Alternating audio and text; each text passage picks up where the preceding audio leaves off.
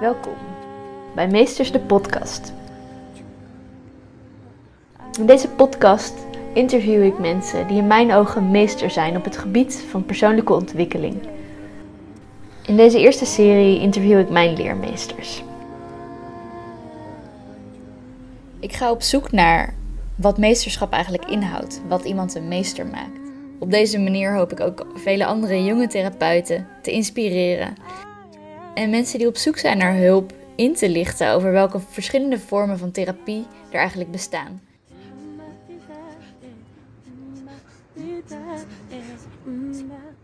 Op deze manier hoop ik ook een brug te kunnen slaan tussen reguliere GZ en alternatieve GZ.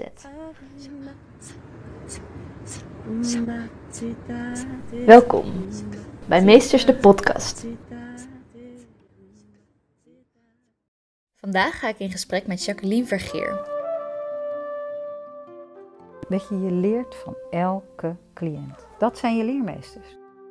Ik heb haar leren kennen als docent aan de Academie voor Psychodynamica, waar ik les van haar kreeg in relatietherapie, provocatieve therapie en hypnotherapie. Ik dacht, jeetje mina, als dit kan met hypnose, met hypnotherapie, dan is de sky the limit. Ze heeft ook haar eigen praktijk waar ze werkt als hypnotherapeute, relatietherapeut en provocatief therapeut. Voelt heel erg van, oh, maar dit is het appel wat iemand op mij doet. iemand vraagt mij om hem of haar te verzorgen. Nou, maar dan gaan we jou ook verzorgen, maar dan gaan we ook in de overdrijving jou verzorgen. En daarnaast heeft ze verschillende specialismen waar ze zelf in de podcast uitgebreid over zal vertellen. Ik hoop dat je gaat genieten van deze podcast. Hey Jacqueline, wat, uh, wat fijn dat ik hier mag zijn vanavond. Ja, ja. Ja. ja ik ook. Ik vind het ook heel leuk. Ja. ja. ik voel me vereerd dat je mij uh, als meester ziet. Dus uh, ja. Nogmaals, ik zie mezelf niet echt zo, maar ervaren wel, maar niet echt meester. dat vind ik wel een heel een hele bijzondere titel, zeg maar. Dus. Ja, ik heb natuurlijk les van jou gehad. En nou ja, zoals ik al zei voordat we dit interview begonnen, ehm, heb ik heel wat docenten en therapeuten gezien inmiddels. En um, nou ja, vind ik jou heel inspirerend en goed in de manier waarop je heel snel tot de kern kunt komen en dingen duidelijk over kunt brengen. Um, en daarom vind ik jou dus echt een meester. En dat is ook waarom ik jou heb uitgenodigd voor deze podcast. het is misschien wel leuk om te beginnen met vragen hoe jij uh, gekomen bent waar jij nu bent. Dus hoe jouw carrièrepad verlopen is. Ja, ik ben uh, ooit uh, begonnen op een um, leraaropleiding. En ik was van plan eh, het onderwijs in te gaan, het middelbaar onderwijs. En toen ik eigenlijk klaar was met mijn opleiding, toen voelde ik al van hier, heb ik, hier vind ik niet de intellectuele uitdaging die ik nodig heb in mijn leven. En toen ik ben zelf als kind ben ik geboren met zware allergie en eczeem. En daar heb ik mijn hele leven tot mijn 25e zwaar onder geleden. Zeg maar. Ik was echt uh, zware eczeem- en allergiepatiënt. En toen ben ik daar, op mijn 25e, ben ik bij een hypnotherapeut beland. En daar ben ik binnen één hypnose helemaal van mijn eczeem en allergie afgekomen. En dat was uh, natuurlijk een enorme, heerlijk was dat, maar het was natuurlijk ook wel een hele shock. En ik dacht, jeetje mina, als dit kan met hypnose, met hypnotherapie, dan is de sky the limit. En ik weet nog niet precies wat er gebeurd is, maar het, mijn onbewuste heeft gewoon iets geheeld in mij in één sessie. En ja, dat vond ik zo fantastisch. Een hypnotherapie is een therapievorm waarbij er gebruik gemaakt wordt bij, van de natuurlijke staat van trance, waar we meerdere keren per dag uh, ons in bevinden. En dan kun je denken aan de staat van zijn die je ervaart als je op de snelweg rijdt en dan na een tijdje ineens denkt: huh, waar ben ik net de hele tijd geweest?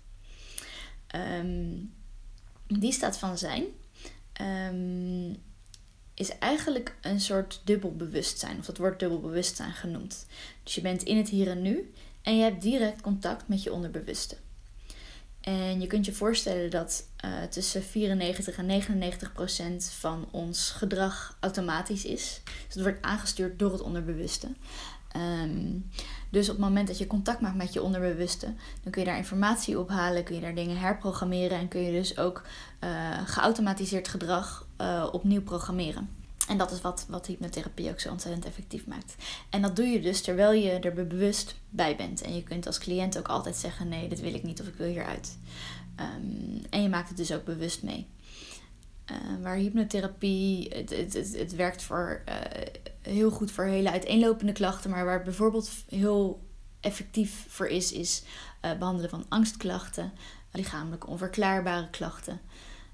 In de klassieke hypnotherapie veel gewerkt met, met beelden, met herinneringen, maar ook met droombeelden, met karikaturen, met krachtdieren, met reizen door het lichaam.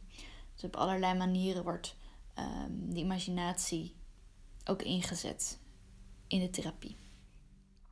Toen dacht ik van, maar, maar dit is gaaf, ik wil dit zelf leren. En ik wil dit zelf met mensen gaan doen. En toen ben ik tegelijkertijd in het onderwijs gaan werken. En dat heb ik maar heel kort gedaan. En toen ben ik tegelijkertijd een hypnotherapieopleiding gaan volgen. En aan het eind daarvan toen ben ik gestopt met lesgeven. En toen ben ik mijn praktijk gestart. En toen ben ik alleen mij gaan richten op, eh, op therapie. En ondertussen had ik zoveel trainingen, zoveel opleidingen erbij gedaan. Want het is natuurlijk een vak waarin je kunt blijven bekwamen, kunt blijven bijeren. Je bent nooit uitgeleerd en dat maakt het ook zo leuk natuurlijk. Mhm. Eh, maar ook toen gaf ik al les op de academie voor psychodynamica. En toen ben ik ook nog trainingen erbij gaan geven. Trainingen in het bedrijfsleven, trainingen in organisaties. En ik gaf, uh, ik ben, dat is een groot hobby van mij, improvisatietheater. Maar improvisatietheater zitten zulke mooie ervaringsgerichte um, oefeningen in die je heel goed kunt gebruiken, niet alleen in lesgeven, maar ook in training geven. Maar ik gebruik ze ook in therapie. En uh, dus ik gaf ook uh, trainingen met gebruikmaking van improvisatietheater. En ik heb ook heel veel improvisatietheaterlessen gegeven in de avond aan groepen. En dat was ontzettend leuk om te doen. Ontzettend leuk om te doen. Heel veel lachen. Maar die dingen kun je zo met elkaar combineren allemaal. Dat je er eigenlijk alleen maar beter wordt in elk vak. Mooie kruisbestuiving. Ja, precies, precies, kruisbestuiving. Ja. En ja, ik geef op de academie geef ik natuurlijk uh, relatietherapie, ik geef hypnotherapie, ik geef provocatieve therapie, is een grote liefde van mij. En uh, ik geef assen van verandering. En ben je vanuit dat improvisatietheater in provocatieve therapie gerold? Uh, nee, ik ben eerst provocatieve therapie gaan doen, een opleiding. Ja in Nijmegen en ook bij Frank Fairley zelf, de grote leermeester, heb ik ook les van gehad en heb ik ook zelf uh, sessie ondergaan. En daar kregen wij, zat in die opleiding zat een dag improvisatietheater. Omdat improvisatietheater, het is echt heel erg in het hier en nu, in het moment zijn. Kijken wat er gebeurt, ja zeggen tegen de ander, uh, met elkaar uh, iets bouwen. En dat heeft zoveel raakvlakken en linken met provocatieve therapie, dat dat in die opleiding. En er waren ook mensen in die opleiding die deden ook aan improvisatietheater. En toen ben ik, toen dacht ik, ja, maar dat past zo bij mij, want ik, ik heb vroeger zelf ook aan theater gedaan. Ik denk, dat ga ik eens even kijken wat, wat dat is. En toen ben ik dat zelf gaan doen als hobby. Maar alles wat ik als hobby doe en wat ik heel erg interessant en leuk vind, daar ga ik mezelf altijd, ook altijd in bekwamen. Dus binnen no time was ik ook docent daarin. Dus ik heb jarenlang drie, vier avonden improvisatietheater gegeven aan groepen. En in, in, als je ergens goed in wil worden, moet je erin gaan lesgeven. Ah, en trainingen gaan geven. Ja. ja. Ja. Dus uh, dan, dan, dan word je vanzelf uh, meester daarin. En we hebben het nu natuurlijk over provocatieve therapie. Maar voor de mensen die het niet kennen, wat, uh, wat is dat eigenlijk? Ja, provocatieve therapie is een, eigenlijk een hele uitdagende stijl van helpen je, houdt, eh, je houdt mensen eigenlijk een luchtspiegel voor. Dus mensen die uh, op een bepaalde manier denken, op een bepaalde manier voelen, op een bepaalde manier zich gedragen. Je kunt zeggen, ik confronteer ze daarmee. Maar je kunt ook zeggen, ik daag ze uit en ik provoceer ze een beetje. En eigenlijk noem ik dat altijd kietelen en plagen. En um, dan, vergroot je een dan vergroot je eigenlijk uit, maar met heel veel humor. Maar ook met, met heel veel liefde. Want dat is echt een voorwaarde. En heel veel contact, ja. Dus ik hou ook echt van mijn cliënt. En ik vind mijn cliënt ook echt de mooiste persoon die uh, tegenover me zit. En dan lachen we ook samen om het probleem of om de manier waarop iemand zijn eigen ellende organiseert eigenlijk. En dat geef ik ook terug. En dat, soms zit dat ook in de relatie, zeg maar. Hè? Als iemand een bepaalde relatie met je aangaat in een therapeutische setting. Als, als gewone, ik noem maar even gewone therapeut, moet je dan heel alert zijn. Hè? Overdracht, tegenoverdracht. Wat, uh, hè, wat, uh, hoe ziet iemand jou? In welk, welke relatie gaat hij met jou aan? Daar moet je dan heel alert op zijn. En het grappige van provocatieve therapie is Um, dat je daar juist gebruik van maakt. Dus je gaat het heel erg voelen. Hè? Je voelt heel erg van, oh, maar dit is het appel wat iemand op mij doet. Hè? Iemand vraagt mij om hem of haar te verzorgen. Nou, maar dan gaan we jou ook verzorgen, maar dan gaan we ook in de overdrijving jou verzorgen. Dus dan ga je eigenlijk aan de andere kant van de binding zitten, van, van, uh, van de relatie zitten. En dan vergroot je die uit. Uh, en zo hou je iemand een enorme lachspiegel voor, maar geef je hem eigenlijk zoveel van wat hij wil, zeg maar. Dus je gaat zo in de tegenoverdracht zitten dat iemand niet meer in de overdracht kan blijven zitten. En dat is het spel. En dat is zo leuk als je het over tegenoverdracht en overdracht hebt, hè, waar veel boeken over geschreven zijn en, en oh jee, oh jee, alert op zijn. Mag niet. Mag niet en moeilijk. En in provocatief, gevoelensfressen, dat is goud, daar ga, je, daar ga je juist mee werken. Kom maar op. Kom maar op, kom maar op, daar gaan we mee spelen. Dat, nou wordt het leuk. ja. ja. En dat is ook. Hè. Provocatief, dat is echt met heel veel humor. Ik lach heel veel met uh, cliënten. Uh, mensen gaan soms echt met, uh, met de zakdoekjes van het stralen van het lachen in plaats van het huilen de deur uit. Die zijn even helemaal flink door elkaar geschud. Het, het heeft een, een, prachtige werking. Prachtige werking. Ja. ja. En heel snel vaak. Dat vind ik het mooie van provocatief. Dat je zo snel, want het is echt cut the crap, cut the crap, weet je wel, hup, rookgordijnen weg, woep. En je gaat echt rechtaf op waar het over gaat. Maar dat doe je met, met humor. En op de een of andere manier is, eh, geeft dat juist toch een buffer voor, voor cliënten.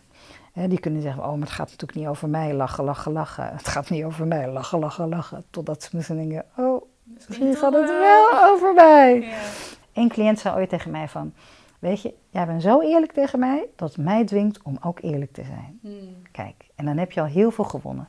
Want in de therapiesessies komen mensen bij je en die zitten vaak toch in de, in de zelfverdediging of in het, in het, in het, in het routine denken, van het ronddraaien in hun eigen probleem. En je kunt een probleem niet oplossen met hetzelfde denken als waarmee het gecreëerd is. Hè. Dat zei Einstein altijd. Maar een cliënt probeert dat natuurlijk. Hè. Die probeert met hetzelfde denken als waarmee hij zijn probleem heeft gecreëerd. Ja, en dat dan iedereen verantwoorden en aan zichzelf verantwoorden. Precies, precies. Dus dan is het gewoon een kwestie van iemand uit dat, uit dat denkpatroon jagen. En dat doe je met, en dat doe je met humor en de overdrijving. En dat werkt heel, um, heel snel. En dus bovendien nog ongelooflijk leuk om ik te doen. Zeggen, ja, dat is ook leuk. dat is ook, heel erg leuk. Ja, ik zeg altijd wel eens van, ja, ik ben zeg maar een privé cabaretier. Hè. Net mensen moeten lachen, maar ja, hij schuurt ook wel, want anders is het geen goede cabaretier. Ja, het schuurt ook wel, hè. Ah, raakt toch ook wel. Dus je zet je ook wel aan het, aan het nadenken. Er gebeurt wat bij je. Ja, en in het onderbewuste gebeurt er natuurlijk ook heel veel. Want dat ben je eigenlijk direct aan het herprogrammeren. Ja, heel veel. Ik zeg ook altijd, het is een beetje een tijdscapsule. Ja. Um, dus je, bent mensen ongelooflijk aan het uh, uit hun patroon aan het jagen. Je laat ze, uh, even oneerbiedig gezegd, alle hoeken van de kamer zien. Um, dat is ook zo grappig. Als ik les geef, en dan doe ik een, een, demo met, met, een, met een student. En dan de andere studenten vragen vaak van aan de student die net de demo heeft ondergaan. En wat voel je nu? En wat merk je nu? En wat is er nu veranderd? En dan zeg ik ook altijd van, dat is voor deze persoon nu, op dit moment, niet, goed te, zeggen. Nee, want die zit nog vol in de verwarring. Het stof moet nog neerdalen. En effecten ontvouwen zich in de loop der tijd. En die vergroten ook in de loop der tijd. Ja, en als ik dan uit eigen ervaring spreek, vaak is het ook zo als je dan weer in een soort gelijke situatie komt, uh, dat je dan weer jouw stem hoort of iemand die er iets over gezegd heeft. En op die manier kan het ook nog jaren doorwerken.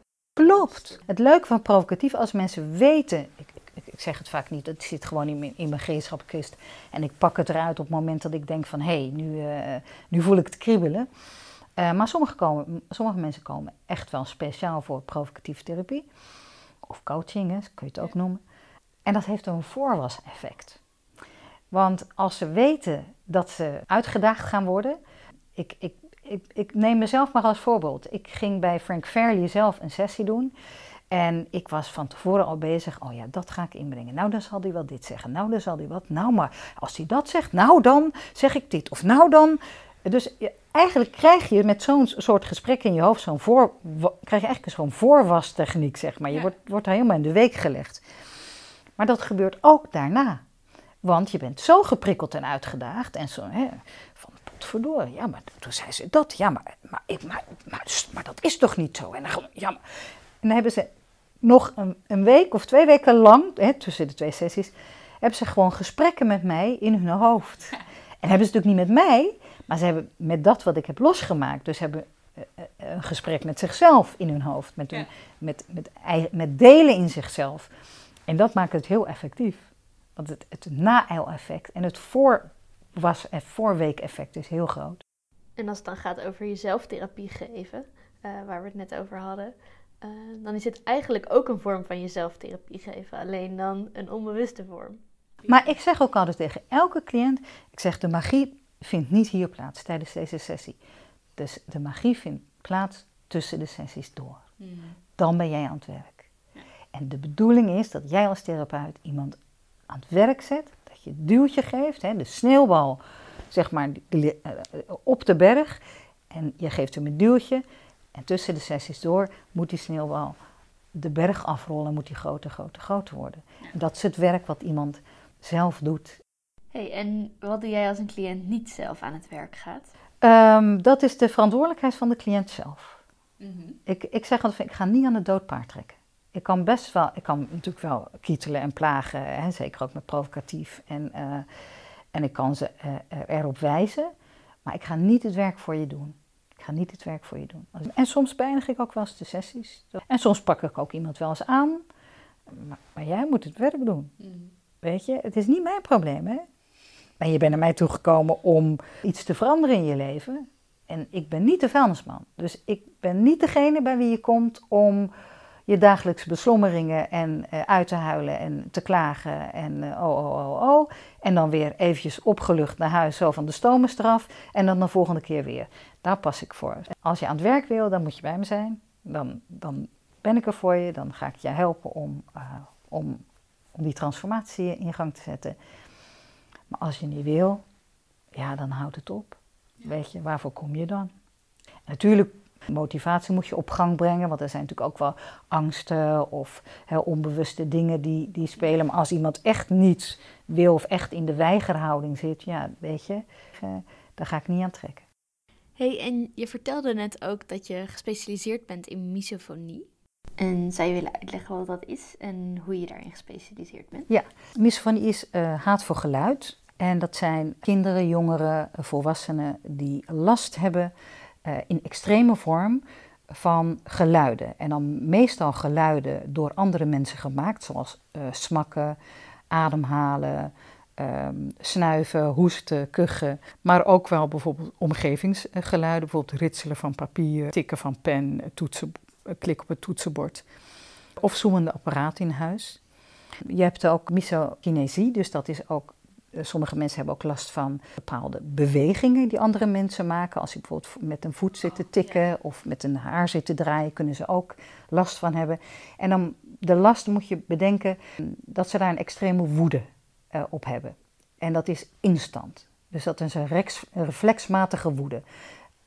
Wel een geconditioneerde reflex, maar het is evengoed een reflexmatige woede. En dat maakt dat ze vaak niet meer aan tafel kunnen eten met het gezin. Dat ze uh, eigenlijk significant lijden. Want ze kunnen, ik zie vaak jongeren die uh, het heel lastig vinden om in de klas te zitten. Volwassenen die het heel lastig vinden om uh, in een kantoor te zitten. In een kantoortuin heb je dat bijvoorbeeld. Mm. Heb je heel veel last van geluiden. Ja. Nou, dat is hel voor deze mensen. Ja. Openbaar vervoer lijkt me. Openbaar vervoer, ja. Die gaan dan echt, die kijken in treinen van, er zit er iemand in met een, met een, met een appel of met een zakje chips of uh, met een drankje. Oh, dan uh, blijf ik wel op het balkon staan, weet je. Ja. Uh, en ja, die zijn eigenlijk voortdurend, de hele dag zijn ze alert op, is er niemand in mijn omgeving die mijn triggergeluid maakt. Want het, het kan van alles geluiden zijn. En het kan ook nog verschillen dat ze het bijvoorbeeld wel bij hun eigen familie hebben en niet bij vrienden. Dat kan, of bij vreemden, dat kan heel goed.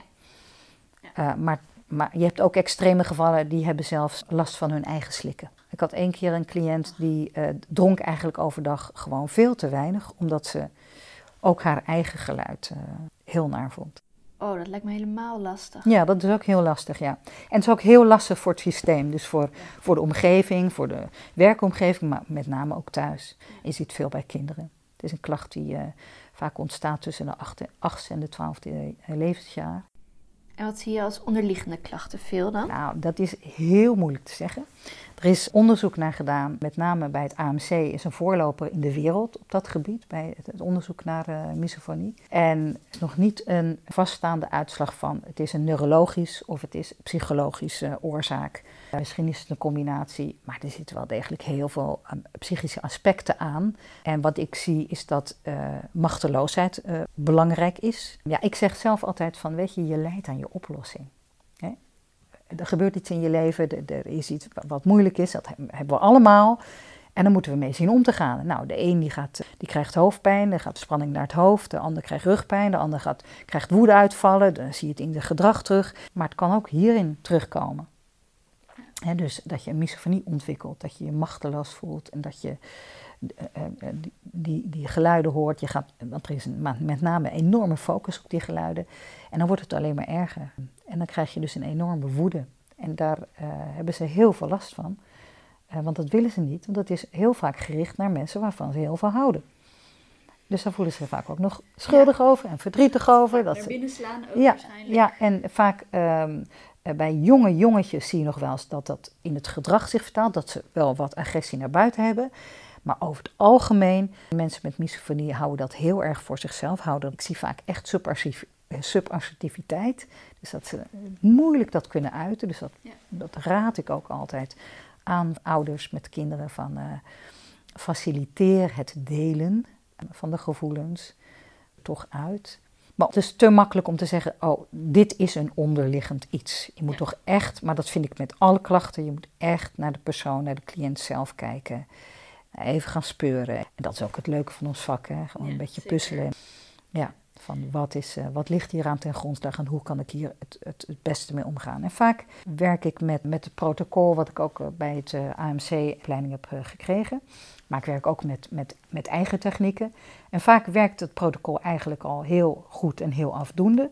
Maar je ziet dat misofonie vaak comorbiditeit heeft met autisme, soms ADHD, OCD, dus uh, obsessie-compulsieve stoornis, ook wel eetstoornis, veel faalangst ook. En dan moet je gaan kijken van, soms dwaal ik wel eens van, van, van het onderwerp van het protocol af, omdat het probleem wat, er, wat, er, wat erbij is zo groot is dat, je, dat, dat ik dan denk, ja, weet je, dit kan wel aan die misofonie gaan werken nu, maar het andere probleem is veel urgenter of veel groter, of dat, er moet naar gekeken worden. Je zegt, ik heb daar wat eigen technieken voor. Wat, wat voor technieken zijn dat? Uh, nou, ik werk met name met hypnose uh, dan. En ik werk ook met uh, tegenconditionering. Maar tegenconditionering zit ook in het protocol, maar dan werk ik ook met tegen, tegenconditionering in, in de hypnose. Zou je daar een voorbeeld van kunnen geven, van, van tegenconditioneren? Ja, dus uh, dan zoek je eigenlijk een, een moment. Wat, ik zeg altijd van, wat zou nou eigenlijk het tegengif zijn voor die woede, hè, voor, de, voor, voor dat gevoel wat je hebt? Wat zou nou eigenlijk een tegengif zijn voor die woede? Nou, dan gaan ze zoeken naar een fijn gevoel, een plezierig gevoel, een ontspannen gevoel of een wat voor gevoel. En daar gaan ze naar op zoek. En dan ga je dat uh, oproepen, dan ga je dat ankeren. En dan kunnen ze daarmee, met dat anker, kunnen ze het gevoel tegenconditioneren. Dat, dat werkt al vaak uh, goed. En ankeren, voor degene die niet weten wat dat betekent? Dan uh, roep je een bepaald gevoel op en dan geef je een bepaalde kleur aan. Soms kun je er een symbool of een vorm aan geven. En dat anker je dan uh, kinesthetisch, dus met, uh, met je lijf. Dus bijvoorbeeld, wat ik vaak doe, is of een vuist maken, of je duim en je wijsvinger van je dominante hand tegen elkaar aan. Dus als je dan op een later tijdstip dat gebaar maakt, of die, die vuist maakt, dan kun je dat goede gevoel weer oproepen. En dan kan dat als tegengif, zeg maar, werken tegen de woede of of elk ander gevoel wat, wat iemand heeft waar iemand uh, vanaf wil. Dus tegen conditioneren werk ik wel mee. Maar ook, ik merkte op een gegeven moment, ik werk bijvoorbeeld ook veel met uh, allergie en eczeem. Uh, ook vanuit natuurlijk mijn eigen achtergrond. Ja.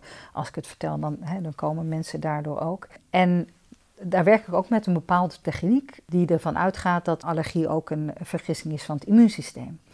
Want het immuunsysteem die reageert eigenlijk heel agressief en buiten uh, proporties op een onschuldig stofje van buiten. Ja. En dus waar ga je dan naar kijken? Dan ga je kijken van oké, en, en welk het is een vergissing van het immuunsysteem. Laten we het immuunsysteem resetten. En laten we kijken naar welke stofjes kun je wel tegen. En daar ga je dan mee werken. En van daaruit ga je als het ware het immuunsysteem resetten. En toen ik met misofonie bezig was, van begin af aan had ik zoiets van. Dit is eigenlijk ook een vorm van allergie. Je zou dat daarmee kunnen vergelijken. Want het is een buitennissige reactie. Niet van het immuunsysteem, maar van het alarmsysteem. Op een onschuldig geluid. Want laten we eerlijk zijn, het zijn natuurlijk onschuldige geluiden. Het zijn geen levensbedreigende geluiden. En toch gaat die amygdala af en toch gaat dat alarmsysteem af. Dus toen ben ik gaan kijken naar die, uh, die techniek die ik voor de uh, allergietechniek gebruik. En die ben ik een beetje gaan ombuigen. Van ja, maar er is ook een tijd geweest hè, dat je het niet had. En daar eigenlijk gebruik van maken, van die tijd dat je het niet had. Dus teruggaan naar die tijd, daarnaar kijken, daar uh, naartoe gaan, dat ophalen en van daaruit het alarmsysteem resetten. Ja. En dat doe ik dan in uh, hypnose. Ja. ja, en dat geeft uh, bij veel cliënten mooie resultaten. Ja, en een vraag die nu ook in mij opkomt als je het hebt over het resetten van het immuunsysteem is: um, werk je ook met mensen met auto-immuunziektes? Heb ik nog nooit gehad. Nee, nee, heb ik nog nooit gehad maar ik zou me voorstellen dat het. Uh, weet je, ik ga gewoon met elke klacht aan de slag. Jij vroeg op een gegeven moment over meesterschap. Wat onderscheidt nou een meester van een gewone therapeut? En nogmaals, ik zie mezelf niet als meester, maar. En toen dacht ik van ja, wat is belangrijk, is gewoon ja zeggen tegen dingen. En als mensen bij je binnenkomen of mensen komen met een vraag, ja, kom maar. We gaan er gewoon naar kijken en ermee aan de slag. En dat wil niet zeggen dat, uh, dat ik alles even goed uh, kan oplossen of alles. Want ik heb je ook verteld dat ik in het begin van mijn carrière, 30 jaar terug, ook iemand met misofonie had. En die heb ik niet kunnen helpen. Maar ik heb wel gezegd, ja, kom maar. En dan komt het uiteindelijk 30 jaar later of, of 28 jaar later weer op je pad. En dan kun je er wel wat mee. Maar weet je, gewoon ja zeggen. En weet je, je leert van elke cliënt. Dat zijn je leermeesters. Natuurlijk, je, je, hebt leerscholen gehad, je hebt opleidingen gedaan, je hebt uh, een heleboel hele goede docenten, een heleboel goede leermeesters gehad. Maar de echte, echte, echte leermeesters, dat zijn je cliënten. Dat is de meest eerlijke en waarachtige feedback die je kunt krijgen. Gaat iemand vooruit of niet? Slaat het aan of niet? En ik zeg altijd tegen mijn studenten ook van geen cliënt houdt zich, je kunt nog zo mooie protocollen leren en methodes, et cetera, et cetera. Geen cliënt houdt zich aan het protocol. Elke cliënt die wijkt er vanaf en dan zul je moeten gaan freestylen en dan zul je moeten gaan improviseren. Hè? Ehm, en dat, maar dat is ook zo leuk en dat maar houdt het vak ook uh, spannend en, en geweldig. En, uh, en, en, je gaat bepaalde methodes ga je vermengen en dat is het leuke natuurlijk. Mm. Nou, echt dankbaar voor iedere cliënt die zich hier aanmeldt, waar ik weer wat van mag leren. Ja. En daarbij, eh, als je daar open in staat, leer je gewoon ongelooflijk veel van jezelf. Van, hoe doe ik het? Wat, waar heb ik wat laten liggen? Of hè, het is ook echt altijd eventjes evalueren voor jezelf. En dat hoeft niet te uitschrijven en helemaal uh, er bovenop gaan zitten. Maar wel altijd even nadenken. Van, uh, ja, scherp blijven. Wat, wat heb ik misschien iets laten liggen? Of, of uh, Um, wat is er goed gegaan? Uh, wat, wat, wat, was de wisselwerking? En ook je eigen proces zijn altijd leermeesters. Hè? Uh, als, je, grootste, als je door het leven uh, gepokt en gemazeld wordt. ik weet wel dat ik um, tien jaar terug, ongeveer tien jaar terug, ben ik gescheiden. En het was een hele lastige scheiding en ben ik door een heel diep dal gegaan. Maar dat zijn wel gouden jaren geweest voor, voor mijn eigen ontwikkeling en als je echt alles aangaat en oppakt, dan word je daar een betere therapeut voor. Ik, ben door, ik ben echt een betere therapeut daardoor geworden. Dat merkte ik ook echt. Je moet niet de valkuil hebben dat je je eigen proces langs het proces van een cliënt legt, hè, want dat, kan verleidelijk zijn. Maar als je zelf groeit, dan, uh, dan groei je ook als, uh, als therapeut. Ja, en ik weet niet of je dat herkent, maar ik heb veel cliënten die of met soortgelijke stukken lopen die ik eerder doorwerkt heb, of dat zijn dingen spiegelen waarvan ik denk, oeh, daar mag ik ook best wel even naar kijken. Ja, dat herken ik zeker ook. Hoewel er ook echt heel veel cliënten zijn die hele andere dingen hebben. Uh, alleen wat natuurlijk opvalt, aan cliënt, is dat wat, je, wat je herkent. Dus uh, dat is net als dat je net een, uh, een rode Peugeot hebt gekocht en dan zie je overal rode Peugeots uh, rijden. terwijl er ook heel veel andere auto's zijn. En daar moet je alert op zijn, zeg maar. Dat je niet je eigen proces erover gaat leggen. Want dat is tegenoverdracht. En ja. Ja, precies, precies. hey, en je zei net, je cliënten zijn je grootste leermeesters. Wat is de grootste les die je hebt geleerd van een van je cliënten? Poeh. Dat vind ik best een uh, lastige vraag, want ik, eh, ik leer natuurlijk van elke cliënt leer ik weer wat. Ja, weet je, wat ik echt van cliënten leer, is dat ik eigenlijk weinig hoef te doen. Dat, ik gewoon, dat je gewoon ook vooral de cliënt heel erg moet volgen en zo'n vertrouwen mag hebben in het zelfhelend vermogen van de cliënt. Dat er soms dingen ook in hypno gebeuren en dat je dan denkt van, oh, maar oh, dat was het protocol niet. Of, oh, maar eigenlijk zat er toch in de methode dat, hè? Dan moet je toch eigenlijk... En mensen gaan hun eigen weg en mensen zien hun eigen dingen en, en, en, en, en je kunt er zo versteld van staan hoe mensen zichzelf kunnen helen. Dat is, vind ik zo mooi, mm. zo krachtig, zelfhelend vermogen. En dat is wat ik iedere keer weer leer dat er geen protocollen bestaan. Eigenlijk, die bestaan wel, maar alles is maar verzonnen. Hè? Alles is maar verzonnen. Ja. En, wat voor en heeft een keer gewerkt. En heeft een keer gewerkt. Ja. Ehm, ehm, ja, uitgesponnen tot een methode. Of, terwijl cliënten kunnen daar heel goed van afwijken en net zo hard uh, zichzelf helen. Uh, en dan is het gewoon echt volgen. Die cliënt volgen. En daarbij sturen de tikje waar het, waar het nodig is. Maar eigenlijk is het niet te veel ingrijpen. Dat, uh, dat, dat leer ik eigenlijk nog het meest. Je mag echt wel goed volgen. Ja. En wanneer is het in jouw ogen wel belangrijk om de leiding te pakken en dat tikje bij te geven? Ja, dat is, dat, is, dat is een hele goede vraag en dat is een hele essentiële vraag. Ik denk dat dat misschien wel de meest essentiële vraag is in therapie. En tegelijkertijd is het ook rete moeilijk om daar een, een antwoord op te geven waar je wat aan hebt. Want dat is echt zo in connectie zijn met je cliënt. En met je hele wezen ja, inzoomen op die cliënt. Dat je, dat je echt kunt voelen ook. Um, kijk, natuurlijk zijn er dingen. Als je ziet dat een cliënt wegvlucht. Hè, dat hij ergens van afgaat. Of bijvoorbeeld als een cliënt, als, het, als, als je een, een techniek doet waarbij iemand geassocieerd moet zijn. Of juist gedissocieerd. En iemand spreekt als die geassocieerd moet zijn, ineens gedissocieerd. Nou, dan ga je bijsturen, dan ga je hem weer verleiden en ga je hem weer daar naartoe brengen waar die moet zijn. En hetzelfde geldt voor dissociëren en hij spreekt geassocieerd. Dat zijn hele duidelijke dingen waarbij je zegt, ja, daar stuur je bij. Maar voor de rest is het heel erg buikgevoel. Weten waar je mee bezig bent, weten waar je naartoe wilt.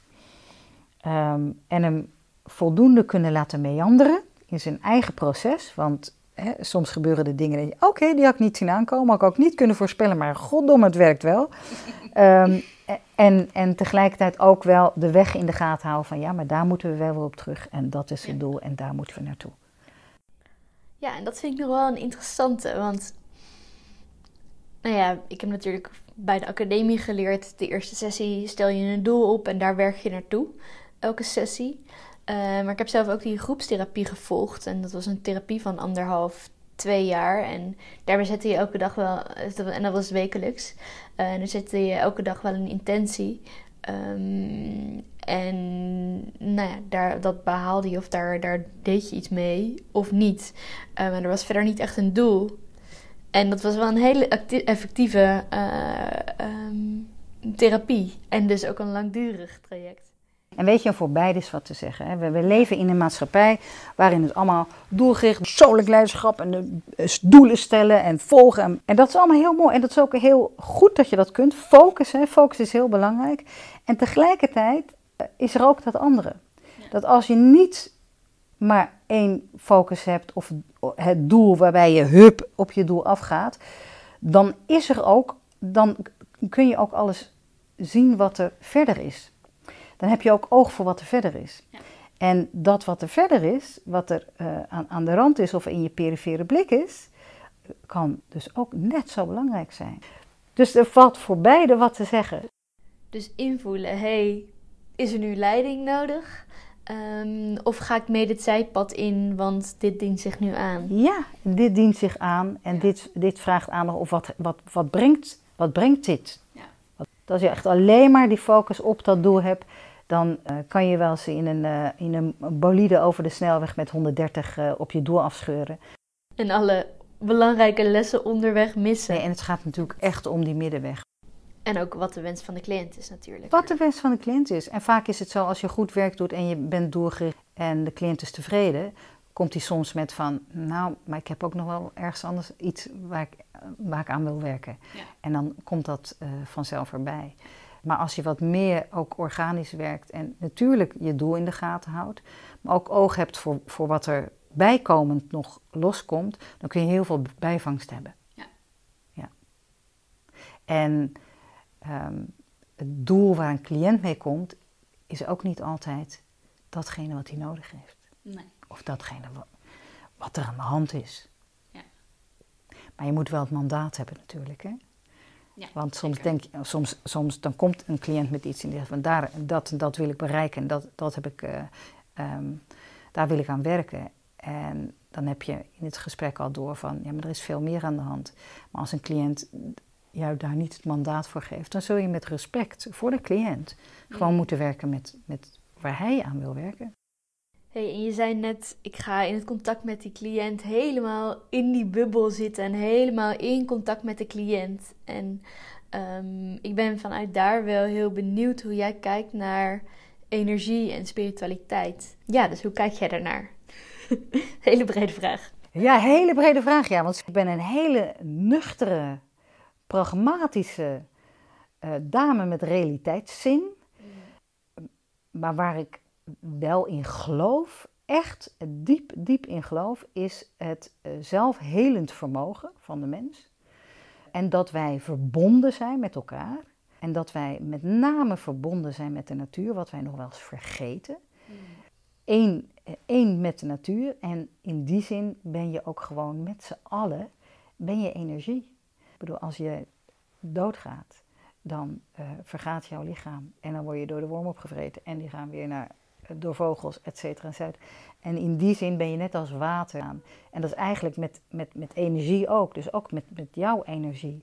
Maar daarom ben ik wel heel nuchter, zeg maar. Ja, want als ik jou zo hoor, dan vergaat je lichaam. Maar als ik het invul, dan um, geloof je dus niet in de ziel en dat die ergens heen gaat. Weet je, de ziel vind ik een heel mooi woord. En, en daarom zeg ik, we zijn één met de natuur. We maken onderdeel uit van de natuur. Wij voelen ons meer dan andere dieren, maar dat zijn we eigenlijk niet. We hebben alleen grotere hersenen en uh, ons cognitief vermogen is gewoon ongelooflijk groot. Daarin huist wat wij onze ziel noemen. Ik heb heel veel trainingen gegeven in uh, verzorgings- en verpleegtehuizen waar uh, werd gewerkt met mensen met dementie en mhm. mensen met niet aangeboren hersenletsel. Um, en die veranderen. Die veranderen. Omdat hun hersenen veranderen. Mm um, en wij denken altijd dat we als het, als ware een soort constante zijn. Maar dat zijn we niet. We zijn zo fluïde als onze hersenen zijn eigenlijk. Uh, huist de ziel ook echt wel uh, in de hersenen. En die is ongelooflijk, de hersenen, eh, we zijn één met onze hersenen. Dus die, we zijn één met ons lijf. Het is één met het lichaam. Maar daar, zie, daar, daar huist voor mij wel wat de meeste mensen, dus die komt daaruit voort, zeg maar. Want ik zie ook mensen gewoon echt een karakterverandering eh, ondergaan als ze hersenschade hebben, et cetera. En, en, dan hebben we het vaak over authentieke ik of dichter bij jezelf of je echte kern. Terwijl um, iemand die hersenschade heeft en ineens heel anders is, hele andere karaktertrekken, die is ook nog steeds heel echt. Die is ook nog steeds, maar wel anders echt. Ja. En is ook niet meer vergelijkbaar met daarvoor. Nee. En iemand met dementie ook. Ja, ik, ehm, eh, ik ben in die zin spiritueel dat ik eh, heel erg geloof in eh, je eigen ontwikkelingsvermogen, je helende vermogen. Ik zie daar dagelijks, dagelijks, dagelijks zulke mooie dingen van. Mm. En, ehm, en natuurlijk is er energie tussen mensen. En het is iets onstoffelijks, maar het, Ja. maar het is er wel. Je kunt een kamer binnenkomen en je kunt voelen dat er spanning heerst. Terwijl je die niet kunt zien met het blote oog, maar het is er wel. Dus natuurlijk zijn er energieën, maar alles is energie. Alles is energie en die kun je ook voelen. Die kun je met name voelen als je in de natuur bent en je durft over te geven aan één zijn met de natuur. Dus daar geloof ik heel erg in, echt het één zijn met de natuur. Daar zit voor mij de ziel, zeg maar. Ik weet nog, nog dat jij in de les ergens een keer zei. ehm, we hebben natuurlijk aan de academie ook les gehad over entiteiten en niet eigen energie. eh, dat je zei, bestaat niet. Nou, ik, ik, nee, ik, ik, zal niet gezegd hebben, ik zal niet hebben ge- gezegd hebben bestaat niet, want dat zou betekenen dat ik de wijsheid in pacht heb. Ja, dat, eh, Maar dat, dat ik er niet, dat het niet mijn eh, wereldmodel is. Ja. Het is niet wij, mijn wereldmodel. Maar dat geeft niet. Dat geeft niet. Weet je, want eh, ik heb de wijsheid niet in pacht. Ik weet het niet. En als iemand, ik heb ook echt wel cliënten gehad die daarmee kwamen met zo'n vraag. En als zij komen met zo'n vraag, eh, natuurlijk heb ik ook mijn literatuur gelezen, heb ik daar lessen in gehad. Dus ik werk er wel gewoon mee. ja. En zeker als deze mensen daarin geloven, dan werkt het ook gewoon als een tierenlier. Dus ehm, eh, dat maakt voor mij niet uit. Ik hoef er niet in te geloven. En, en dat is denk ik ook iets wat heel belangrijk is om mee te nemen. Dat je eigen wereldmodel, je eigen dingen, die doen er niet toe. Je werkt met een cliënt en je werkt met, met, met het wereldmodel waar hij ehm, ehm, in leeft. Waar, waar hij, en die mag je wel gaan verruimen als daar... ehm, hè, als, als daar Als er heel veel beperkingen als er heel veel beperkingen in zitten Ja. en, en hij daaronder lijdt, hè, want als hij er niet onder lijdt, dan kan je er gewoon vanaf blijven, want wie ben jij? Daar werk je mee. Ja. Niet met je eigen wilmodel, want dan ben je aan, het- aan het pushen en aan, het, aan Ja. het i- iets op iemand aan het leggen waar iemand niet voor komt. Ja. Want iemand je hoeft niet bekeerd te worden tot jouw wereldmodel. En ik hoef ook niet bekeerd te worden tot jouw wereldmodel. Dus eh, res- met respect voor eh, elkaars wereldmodel kun je gewoon heel veel mooi werk doen. Hey, en je had het straks over jezelf therapie geven. Hoe, eh, hoe doe je dat? Ehm, nou ja, kijk, ik ben ook gewoon een mens natuurlijk. Hè? Mm. Dus eh, ik loop ook wel eens tegen dingen aan. En ook sociaal. En ook ehm, ja, gewoon bepaalde ehm, eh, dingen die ik tegenkom in het leven. En dan, en dan ga ik soms naar mezelf kijken. Zo van, oké, ik heb alles in mijn gereedschapskist zitten. Dus eh, ik kan cliënten helpen. Maar ik kan natuurlijk ook gewoon een sessie met mezelf doen. En hoewel dat wel wat zelfdiscipline vergt. want ehm, het is natuurlijk heel makkelijk als je begeleid wordt of gefaciliteerd wordt door iemand. Hè, even dat sturen, even dat, hè, dat iemand een, een, een, een, lijntje houdt. En dat je niet, zeg maar, ehm, verdwijnt in je beelden of je laat meezuigen door alle beelden die je krijgt. Ik doe dan natuurlijk ook zelfhypnose. Ehm, is het zeker te doen. Zeker te doen. En dat is ehm, echt wel met een, eh, bepaalde mindset, met een bepaalde doel eh, de sessie ingaan. eh, en weten welke techniek je gaat doen. En ehm, nou, vorige week ook weer eh, eh, was er weer iets. had ik een beetje een dipje. En dan ga ik ook kijken. En dan doe ik ook innerlijk kindwerk met mezelf. En, ehm, en dan ga een regressie kan ik met mezelf doen. Dus ehm, ja, weet je, als je, als je toch alles in je gereedschapskist hebt, dan. eh, of delenwerk doe ik. Hè. Ik doe soms ook wel eens delenwerk met mezelf. Ja. Ja. En dat werkt eh, hartstikke goed. Dus Het vraagt inderdaad wel een discipline. het vraagt wel om eh, wat discipline. En, maar het is heel makkelijk als je, als je routine, routine erin aanbrengt. Dus ik begin elke dag, als ik wakker word, het eerste Eh, wat ik doe is ehm, ehm, ehm, eh, meditatie. En ik doe niet een hele lange meditatie, want ik vind dat het uh, laagdrempelig moet blijven. Want anders kun je het niet in je iedere dag routine Mhm. doen. Hè? Tenminste, dat Ja. eh, werkt bij mij zo. Dus dan doe ik eh, een 10 minuten meditatie. Daarna 10 minuten ademen. Eh, en daarna ga ik eh, koud douchen en dan eh, start ik eh, mijn dag, zeg maar. Dus eh, zo'n eh, routine heb ik eh, iedere Ja. ochtend. Ja. Eh, maar ik werk bijvoorbeeld ook met dromen. Dus ehm, Mm.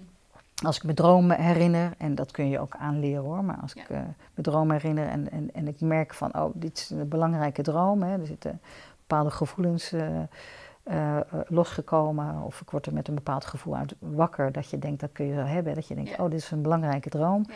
Nou, dan kan ik eh, met die droom werken, Ja, ja, met die droombeelden. mooi. Klinkt als een fijne start van de dag. Ja, ja, dat is het ook wel. Ja, zeker. Zeker. Weet je, en dan heb je dat maar gedaan en dan voel je de hele dag in ieder geval, heb je al één ding om tevreden over te zijn. Precies. Dan is je dag al geslaagd. Dat is je dag al geslaagd. Die is geslaagd begonnen. Ja. Ja. Nee, en dan, eh, als je wakker wordt, denk je er ook niet over na. Als je daarin die routine bouwt, dat is net als met tandenpoetsen. Nou, dan begin je daar gewoon mee. Ja. En dan is dat... eh, Ja, ik zei inderdaad laatste vraag, maar een hele leuke laatste twee vragen.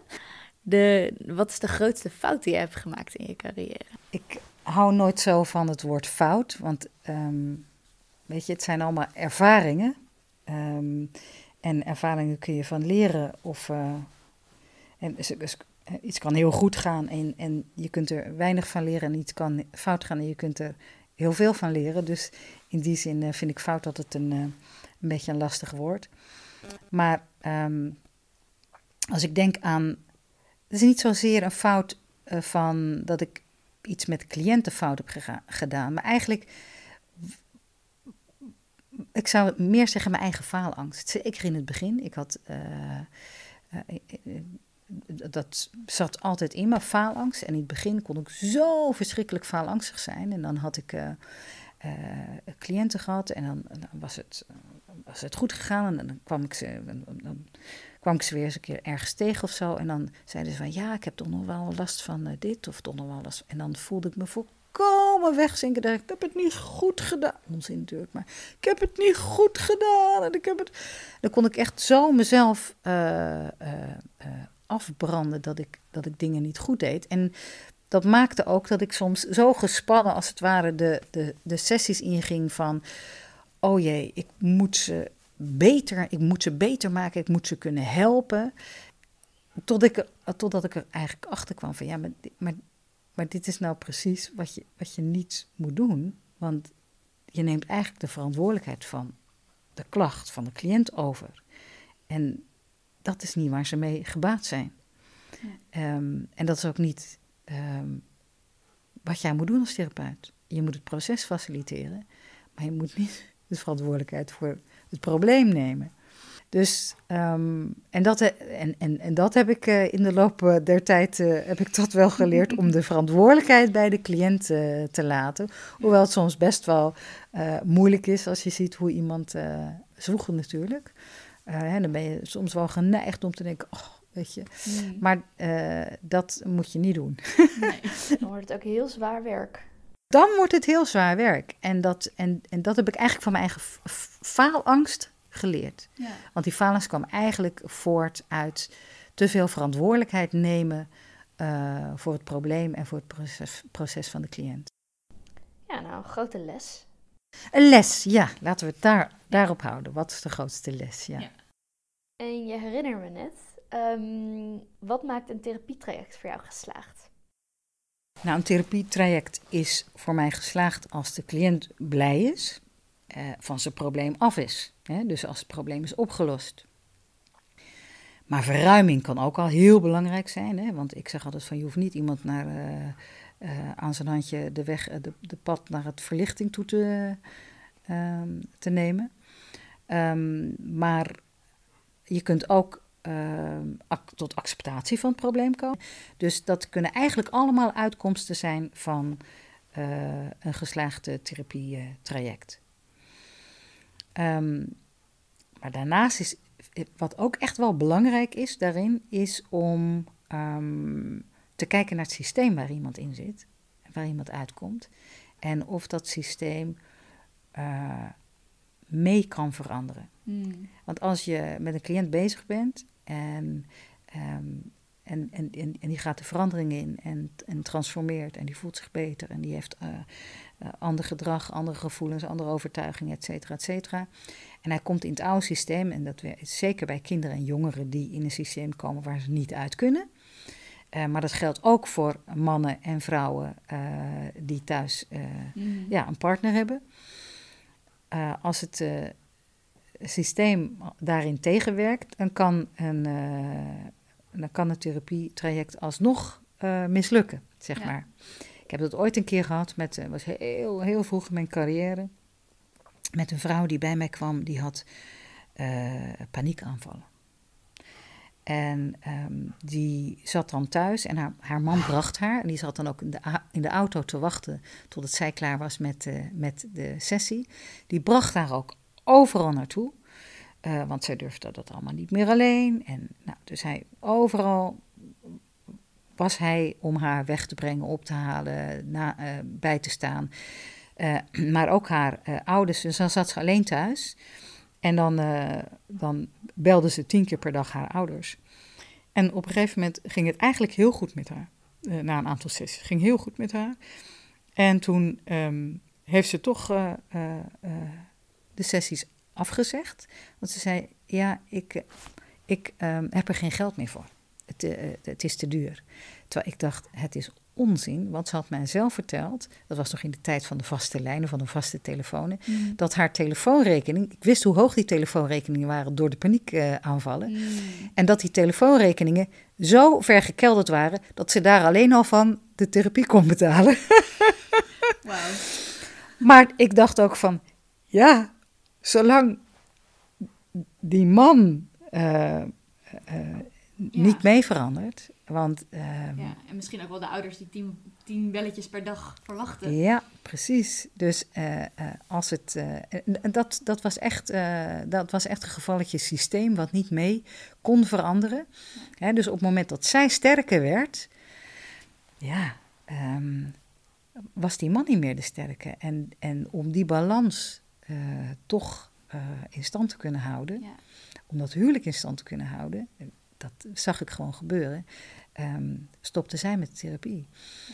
Terwijl het in principe gewoon, hè, de operatie was geslaagd, Mm. maar ja, uiteindelijk toch dan, patiënt overleden, omdat het systeem eigenlijk eh, niet mee verandert en, het, en het niet toestaat, omdat eigenlijk zo, dat is de dynamiek. Ja. En die dynamiek, als die niet mee verandert. Te veel winst. Te veel winst, ja. ja. Dus, en, en daardoor, ja, daar heb je ook mee te maken natuurlijk. Mm. En dat zie je soms ook bij ouders, dat, dat het met kinderen heel goed gaat. En dat je ze heel veel leert en ehm, hè, dat ze heel veel eh, meenemen uit de therapie. Maar omdat de ouders toch op een bepaalde manier toch steeds eh, het oude gedrag faciliteren en zelfs belonen, ehm, verandert er eh, niet zoveel. En dat is best wel frustrerend soms. Ja, en dan moet je ook, daarom neem ik ook in het traject, als ik met jongeren of kinderen werk, neem ik altijd ook wel eh, de ouders mee. Ja, dus als de, als de cliënt, als, als het probleem is opgelost, als er acceptatie is van, van eh, het, het wat eerder als probleem werd aangemerkt, of als er verruiming is waar de cliënt zelf mee verder kan, hè, wat ik zeg, die, eh, die sneeuwbal die zelf naar beneden kan. Ehm, en, als het, en als die verandering ingebed wordt in een omgeving waarin die ook Ja. gefaciliteerd wordt en eh, geconsolideerd wordt. Ja, ja. Dan is een ther- therapie-traject geslaagd. Ja. Eh, wat last. Ja. Dus ik, ik vraag ook wel eens aan, eh, aan cliënten of ze, of ze hun partner mee willen brengen eh, een volgende keer. En dat gebeurt niet altijd hoor. Dan staat die partner er niet altijd eh, positief tegenover. Eh, ik heb ook wel meerdere mannen in therapie die door hun vrouw als het ware zijn gestuurd. Eh, van ga jij eerst maar eens veranderen. Terwijl ik dan toch wel eens denk, ik zou die vrouw toch ook wel eens heel graag erbij hebben. Partners, ja. Ja. ja. Want dan, is de, dan, dan consolideer je gewoon beter. En dan kun je ook die dynamiek zien. En je hoort het verhaal maar van één kant natuurlijk. Mm. Is er nog iets wat jij wilt delen of een tip die je hebt? Tip.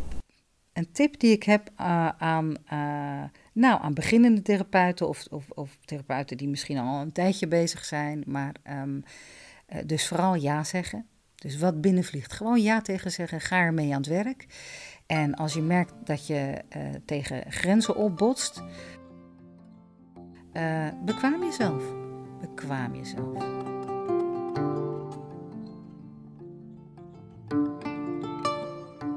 Dat is uh, heel belangrijk. Um, er is, het, is, het, is, niet erg om het niet te weten. Het is wel erg om het niet te blijven niet te weten. Dus, uh, dus bekwaam jezelf dan. Ja. En het is, ik zeg ook altijd tegen studenten: het is heel belangrijk om je mogelijkheden te kennen. Maar het is nog belangrijker om je beperkingen te kennen. Want die zijn er natuurlijk ook.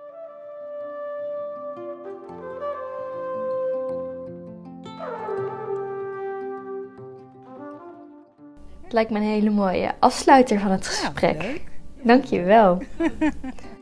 nou, dank je wel.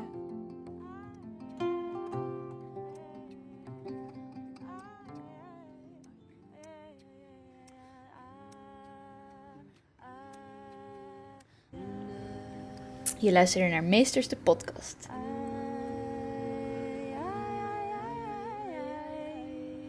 Mocht je contact op willen nemen met Jacqueline, dan kun je haar vinden op vergeertrainingenTherapie.nl. En mocht je het leuk lijken om les van haar te krijgen, dan kun je een kijkje nemen op de site van de Academie voor Psychodynamica, waar ze bij verschillende opleidingen uh, lessen geeft.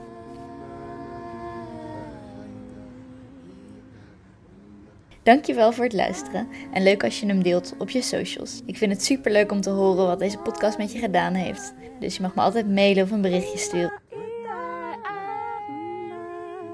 Deze podcast werd geëdit door de fantastische Maartje Joosten. En de muziek waar je naar luisterde is van Iris Trikameji uit het stuk Dadels leven duizend jaar.